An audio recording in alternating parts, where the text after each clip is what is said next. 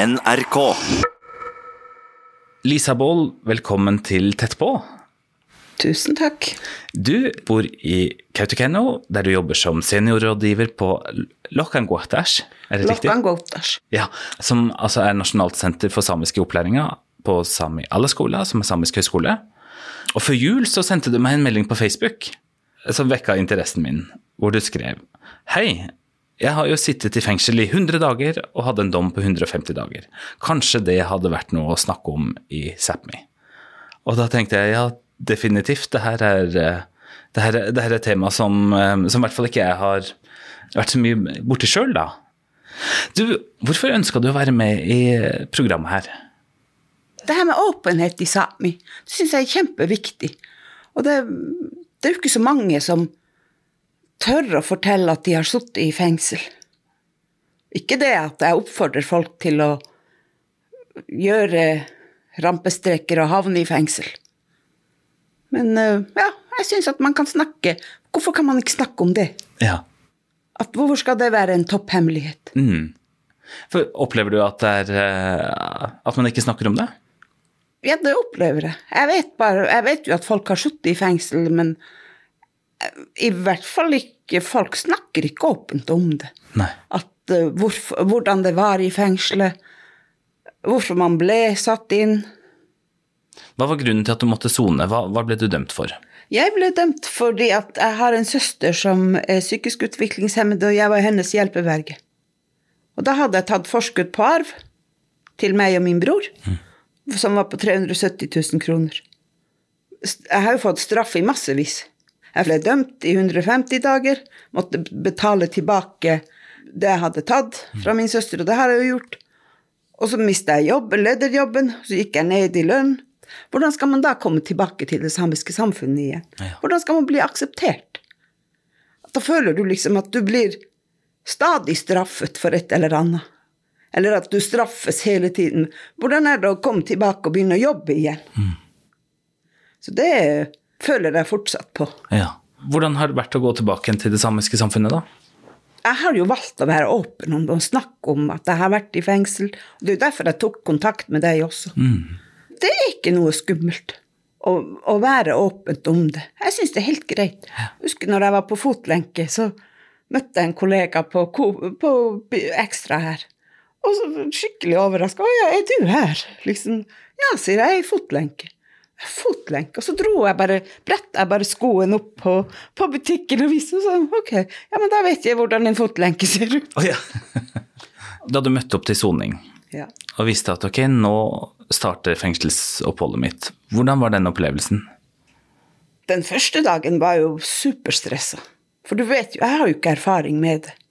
Du kommer inn, du blir kledd av naken, du skal sette deg ned på huk, de skal sjekke om du har noen ting med i diverse rom. Og det er litt sånn stressende, og du møter jo opp full av fordommer. Fordi at du vet ikke noe som helst. Fordi at det er ikke noen som snakker om det. Mm. Så da vet du ikke hvordan mennesker som er der. Og da var det tre kjempehyggelige damer som var der når jeg kom. Ja, og de var veldig Tok meg hjertelig imot når jeg kom dit, så heiv jeg jo rundt sånn her Men herregud, det går jo ikke an at det er så skittent som det er her på fellesarealet. Så jeg satte damene i sving umiddelbart, at de måtte gjøre litt rent. Så da husker jeg bare at de her klatra opp på benken og vaska opp på kjøkkenskapene og lista over døra. Så da var det liksom ok, der tok jeg føringa med en gang, at her må det, her må det holdes rent. Ja. og den rollen opprettholdt du, skjønner jeg? da? Jo, det gjorde jeg jo. Jeg var jo så heldig at tre uker så var jeg helt alene på kvinneavdelinga. Du slipper å forholde deg til andre mennesker og sånn her, for det er jo litt utfordrende. Det kommer jo ulike typer mennesker inn mm. som sliter med ulike ting. Mm. Åpen soning, hva, hva, betyr det? Betyr det at du kan komme og gå som du vil? Det betyr ikke det. Det betyr at du ikke er innelåst hele dagen. Jeg var jo på kvinneavdelinga der, og der er fire plasser for kvinner på åpen soning, og det er 20 plasser totalt på Tromsø fengsel. da.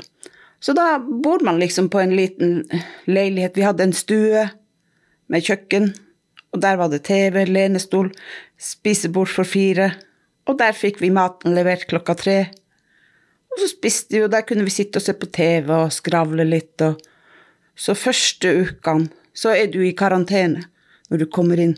Du får ikke være med på noe som helst.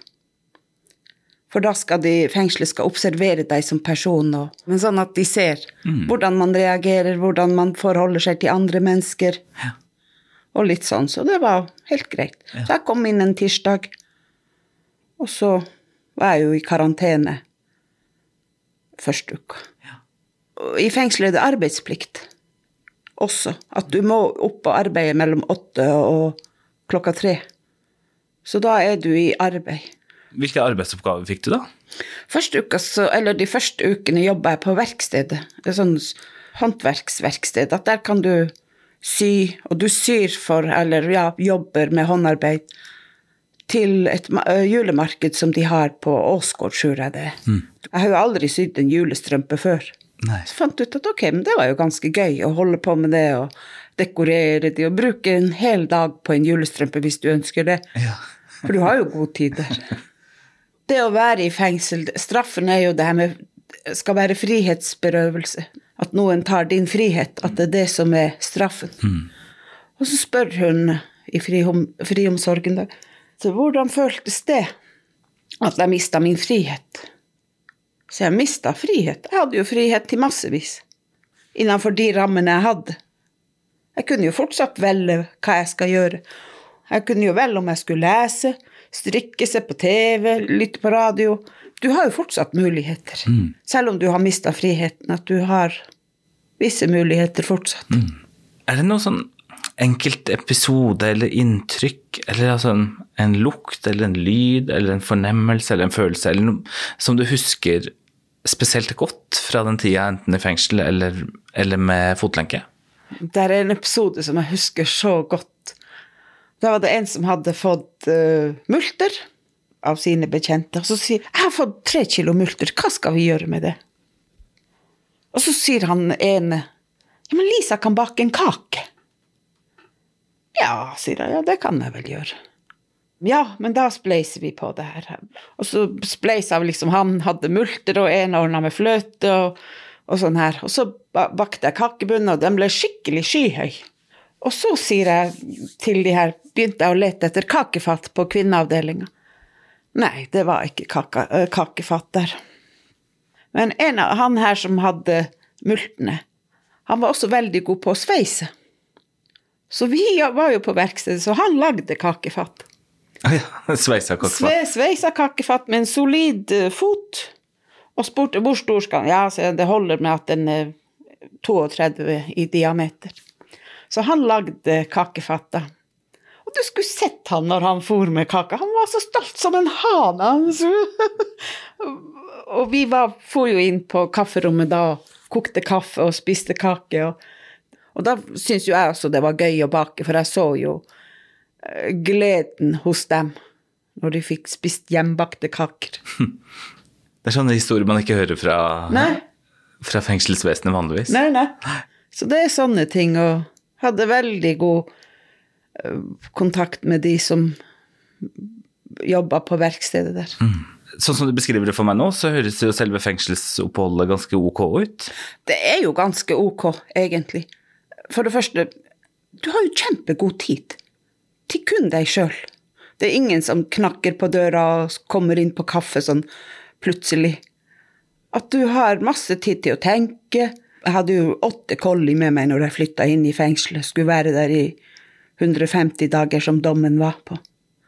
Så jeg hadde jo alt fra bøker, masse dodgy-ting, håndarbeidsting. Alt fra grindvev, sjal som jeg skulle frynse, strikketøy, garn.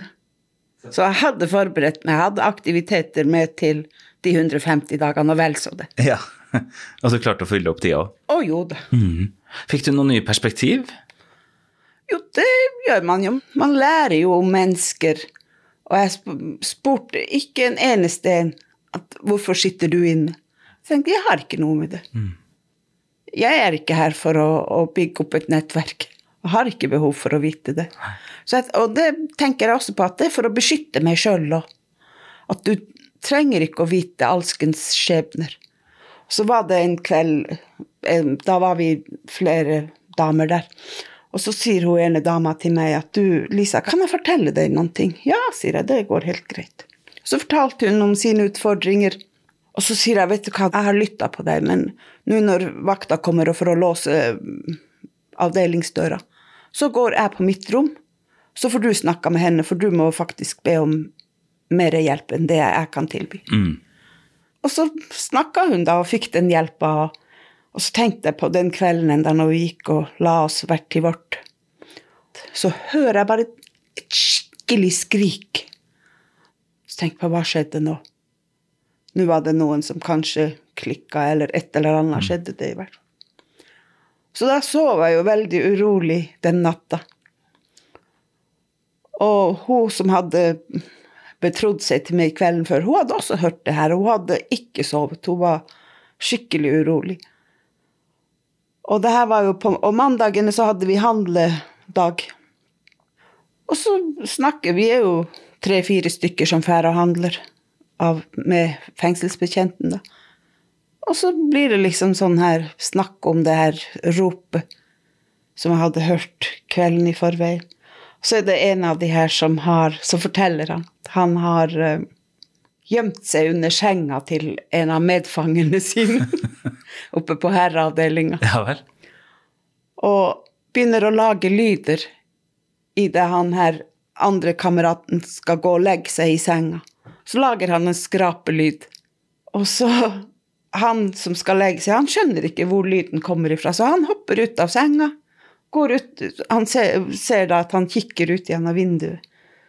Om det er noe der. Nei. Og så legger han seg, så begynner han å skrape igjen.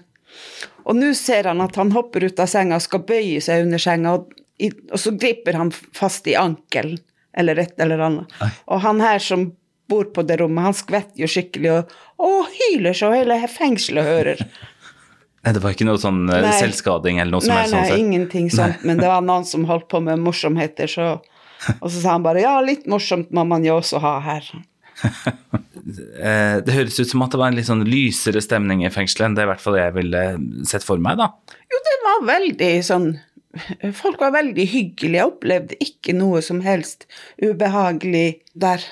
Mange har spurt meg hvordan var det å være i fengsel. Og sier jeg, og særlig for oss som har bodd på internat. Så det er på en måte en sånn internat du er på. Nå har jo jeg vært på åpen soning i Tromsø. Ja. Og det er mer som en internat eller leirskole eller noe sånt. Det er til og med, rommene til og med er sånn som på internatet, at det er en liten vask og et speil, søppelkurv, eh, skrivebord og seng og et klesskap. Og en stol du kan sitte på. Og det er liksom det som er Hvor lenge gikk du på internat? Hvis det var en dom, så hadde jeg hatt en lengre dom der. Hvordan da? Da var jeg tre år. Akkurat. Så jeg var helårsbarn på internatet. Ja. Men jeg var så heldig at jeg hadde en barnløs uh, tante og onkel som bodde underkant av én kilometer fra internatet. Så jeg var ofte der. Akkurat. Men da var du på internat i Kautokeino sentrum? På internatet her i Kautokeino sentrum. ja. Mm. Fordi du vokste opp utenfor, eller? Jeg har bodd fire mil inn på vidda. Nettopp. Var det mer krevende å være på internat enn i fengsel? Ja, det tror jeg. For som barn så er du jo mer knytta til dine foreldre. Du er mer var. Så det tror jeg nok var litt mer utfordrende. Og derfor var jeg så heldig at jeg hadde en Imi og onkel Mm. Som jeg kunne søke ly hos, og var mye hos de. Både internat og fengsel er jo offentlige institusjoner, da. Er det noen likheter med måten et internatbarn og en innsatt blir behandla på, eller blir sett på, av den offentlige institusjonen? Det, der tror jeg de barna blir sett mer. At du har Jeg følte at de her som jobba, de kom aldri inn på avdelinga. Vi var bare fangene som var der. De innsatte. At det er dem som var der. At det var Nei, jeg skjønner jo at de skal jo også De har jo sikkert masse å holde på med. Sånn. De er jo på jobb. Ja. De kan liksom ikke komme og bruke tida på å prate med oss. Kanskje det er en del av straffen. For du har jo mulighet til å studere når du er i, på, i soninga. Så jeg prøvde meg jo på det også, så sier han som var der, nei, nei vi har nok dess, dessverre ikke noe, noe for det. Du burde jo egentlig vært her, lærer her på, på fengselet. Ja, sa, men nå er nå jeg innsatt, jeg er ikke ansatt, så Og så sier jeg, ja, men vi som har høyere utdanning, vi er også kriminelle. Dere må tenke på det. Fengselet må tenke på det også. Det er jo kanskje flest av dem som ikke har fullført videregående, eller ikke har tatt høyere utdanning, som er der. Det skal nok sies, men det finnes folk som har tatt høyere utdanning òg. Som også har lyst til å holde på å ta, og har kapasitet og ressurser til å ta nye studier i fengselet. Og det er ikke det at jeg ikke var redd. Jeg hadde jo ingen erfaring, så jeg syns jo det var skummelt å sjekke inn i fengselet. Og så syns jeg kanskje det var skummelt å sjekke ut òg. For hvordan, er, hvordan tar samfunnet meg imot når jeg er tilbake igjen? Så det er både og. Hvordan var ditt første møte med, på utsida, da? da når han samboeren min henta meg i Tromsø, så, så hadde jeg jo ikke telefon Eller da fikk jeg jo telefonen min når jeg sjekka ut av fengselet. Så da ringte jeg jo til tanta mi i Skibotn at eh, jeg er på tur hjem, så jeg kommer til å stoppe innom der. Og de var jo sjeleglade. Hun hadde kokt kjøtt og buljong og den velkomstfesten når jeg, når jeg kom innom der. Så det var jo veldig hyggelig å, å komme. Og, og når jeg da kom og var i fotlenke, så rausa det jo inn med besøk av folk som ja, syntes at det var på tide at jeg var tilbake igjen og kom på besøk. Og, så det var, ja Det var godt å komme tilbake igjen og få tilbake det sosiale livet.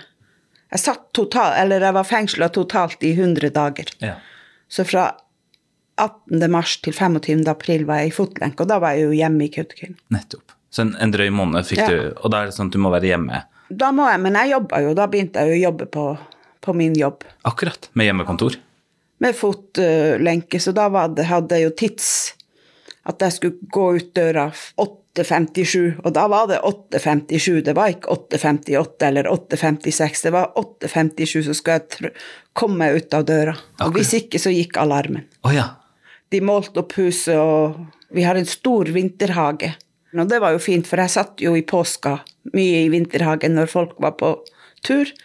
Så satt jeg der og lytta på radio og leste bok og kosa meg i solskinnet mens andre var ute og gikk på ski og gjorde andre aktiviteter. Endra folk på noen måte måten å forholde seg til deg på? Opplevde du sanksjoner? Var det noen sånne reaksjoner som du merka? Tenker du da på Da, da tenker jeg på i, i lokalsamfunnet. Det som er litt rart, det er det at de du tror du har som venner, de forsvinner kanskje. Så jeg pleier å si at det her når du blir dømt, det er liksom sånn at hvis du har opplevd at noen i din nærfamilie dør Folk de prøver å holde seg litt unna. Men så popper det opp mennesker du ikke trodde brydde seg om deg. Så jeg, jeg, i, og med at jeg mista jobben en stund, så plutselig så hadde jeg masse jobbtilbud. Jeg var ikke ansatt, men jeg fikk masse oversettelsesjobber, masse sånne ting. Så jeg klarte jo å livnære meg på de fem-seks ukene jeg var uten jobb. Så det, finnes fantastiske mennesker i Kautokeino som bare kanaliserte ting til meg. Så de vet jo sjøl hvem de er, så jeg er jo supertakknemlig for det. Og det er veldig mange som har sagt til meg, Lisa, vet du hva, det der du har gjort, det ville jeg også ha gjort. Og vi ser ikke på deg som kriminell. Men så er det kanskje noen som aldri sier noen ting, og hva vet jeg? At hva tenker de? Men jeg har i hvert fall valgt å være åpen om det. Ja. På hvilke arenaer da? Overalt. At da sier jeg kan si at ja, da jeg satt inne, eller jeg ble jo dømt, og husker første gang da jeg var blitt dømt, og så var jeg på et møte i, i Tromsø. Og så satt vi i lunsjen, og så fortalte jeg. Så var det en av damene som satt der og sier bare Lisa Og at du klarer å snakke om det i det hele tatt. Jeg sier, men hvilket valg har jeg? Ikke sant? Det her med å holde ting tett, jeg tror det gjør folk enda mer nysgjerrig, og så Jeg forteller sjøl min historie, og da eier jeg faktisk historien sjøl. Det er jeg som kan fortelle hva som er sant og ikke sant. Så slipper folk å spekulere, og da kan de spørre meg Ja. også. At da vet de at hvis de spør meg, så svarer jeg faktisk på det. At da er det mye greier enn at de lager egne historier. Er det noen som har henvendt seg til deg av nysgjerrighet sånn sett, da, som, som du ikke har prata så mye med? Og... Nei, faktisk ikke. Men da, ikke sant, når jeg forteller sjøl om det, så blir jo folk interessert i å spørre hvordan det var, og jeg pleier å dra en fengselshistorie i ny og ne. Bare for å være åpen om det. At det er like dagligdags som andre ting. Syns du at du dermed utfordrer på en måte det som er vanlig i Sápmi? Ja, det gjør jeg nok. For eh, jeg sa jo i sted at vi var på kantina på, på høyskolen. Så var en av de første gangene jeg var der, så sa jeg bare at ja, men jeg er jo i fotlenke. Og der er det jo masse folk, og så er det en en kollega som dulter. Du kan jo ikke snakke om det. Jeg skjønner jo på en måte at det er litt ukomfortabelt å snakke om det. Og det har jo jeg valgt å gjøre. Ja. Har du blitt eh, kontakta av andre som har sona, eller? Som trenger Nei. hjelp? Nei. Jeg har ikke blitt kontakta. Men eh, jeg vurderte en stund om jeg skulle kontakte en som jeg visste skulle sone, men jeg gjorde ikke det. Jeg tenkte det, det er kanskje å tråkke over noen menneskers grenser, tenkte jeg på at vedkommende vil kanskje ikke like at jeg gjør det. Nå er det ca. to år siden du var ferdig med å sone. Da har, har eh, tilværelsen normalisert seg litt sånn sett, eller? Jo, det har den nok gjort. Men eh, jeg vet ikke om den noensinne kommer til å bli helt normal igjen. Hva er det som er annerledes, da? Jeg tenker jo på det med øh, arbeidsmarkedet. I min arbeidsavtale så står det at jeg, jeg ikke har lov til å jobbe med økonomi. Jeg har jo ikke gjort noe som helst på jobben. Og ikke har jeg tenkt å gjøre. Tanken har ikke streifa meg engang. Men Nei. det blir fortsatt mistenkeliggjort. Ja. For det er jo en tillit som arbeidsgiver ikke lenger gir deg, sånn Ja. sett, da. Jeg elska jo å være i en lederjobb. Det syns jeg var spennende. Men nå er liksom den tida over, og det må jeg også akseptere sjøl, at ok, jeg trenger ikke å se etter lederstillinger. Men jeg kan jo fortelle, jeg fikk en morsom her kanskje for tre uker siden. Så var det en som ringte, kan jo fortelle at det var fra Nav her i byen, så ringte og tilbød meg en stilling som rådgiver på Nav. Og så spør jeg ja, hva gjør en rådgiver på Nav? Ja, veileder blant annet i økonomi. Så sa jeg tuller du? tuller du? Husker ikke du at jeg har sittet inne for økonomi? Ja, sa men det er jo historie. Jeg har sona min dom. Så nå er det jo 1-1 ja. på en måte mellom Ja. deg og, og samfunnet, sånn sett. Det, og da flirte hun, også. Jeg vet hva jeg syns For det første, syns det er gørrkjedelig å jobbe med økonomi. Det interesserer meg ikke, så nei takk. Men kjempehyggelig at du ringer og tilbyr meg jobb. Ja. Så det gir jo en liten boost i hverdagen. Ja. At noen tenker faktisk på at du kunne ha gjort en god jobb der. Du, hvordan er det Storfamilien er jo så viktig, slekta er så viktig. Har det at du har vært i fengsel, stempla slekta på noe vis? Det tror jeg ikke. Det tror jeg faktisk ikke. Jeg tror folk har kommet litt lenger enn som så. Tror jeg, i hvert fall. Og, og håper. Ja. Jeg merker i hvert fall ikke Det tror, det tror jeg faktisk. Så dessuten så har jeg jo en bitte liten slekt i forhold på farssida. Og jeg er ikke den første som er kriminell i familien, altså. Så det er ikke for, bare sånn at det er som å bære det hvis det skulle være sånn. Er det noe som dere har snakka om, eller har du merka det på noe vis? I familien. Mm. Nei, der snakker jeg jo om det, så det er jo Nei, der har jeg ikke, jeg har ikke merka det sånn. Nei. Jeg har ikke tenkt på det engang før du nå spør om det. Ja. Jeg ikke vet det, jeg bare spør. Nei, nei. Kanskje er det noen som har satt kaffen i vranghalsen når jeg har bare sagt ja da. Ja, da opplevde jeg når jeg satt i fengsel eller sånn her, så ble det sånn what? Her før jul så var det, jeg var på Ekstra. Så var det en som ropte hei Lisa, jeg skulle snakka noen ord med deg. Og så bare satt i bilen ut, utfor Coop-en, og så var det snakk om det her med hjelpeverge og sånn. Ja, og så sier han ja, i Kautokeino så hører rykter om at det fungerer ikke helt bra, det her med hjelpevergesystemet i, i, i Kautokeino. Det fungerer bedre i andre, plass, andre plasser, for da visste han at jeg har en gammel far på sykehjem. Og så sier jeg ja. Ja, sier jeg, det vet jeg at det fungerer kanskje ikke helt, helt optimalt. For jeg har sittet inne, og han, og han bare bare «Å, Jeg ned igjen? Jeg visste han ikke? Nei, han visste ingenting. Men nå bor ikke han her i Kautokeino, men han er her fra Kautokeino. Og han bare trakk seg tilbake. Sier du det? Og rygga ut, eller, eller fortsatte han? Ble, jo, nei, han, vi fortsatte sam, samtalen bare sånn her. Så var det en annen Det var også på ekstra. Og så sier han at det er så lenge siden jeg har sett deg. Ja, sier jeg, det kan nok stemme, for jeg, jeg har sittet inne. Og han ble bare Og hva i all verden har du gjort når du har sittet inne?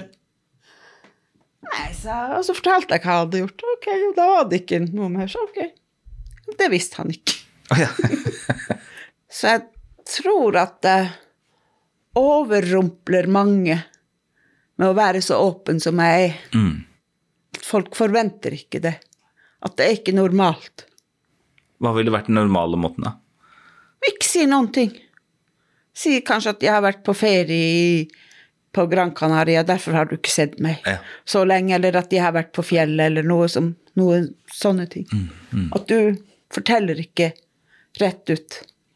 Men det er jo mye greier å, å, å fortelle sannheten. For hvis du driver og lyver, så har du til slutt ikke kontrollen på hva du har sagt. Er du optimistisk nå, eller? Selvfølgelig er jeg optimistisk. Det kommer en løsning for alt. Og det er jo sånn at ok, jeg pleier å tenke når den døra smukker igjen, så åpnes det sikkert en ny som ikke jeg hadde tenkt på i det hele tatt.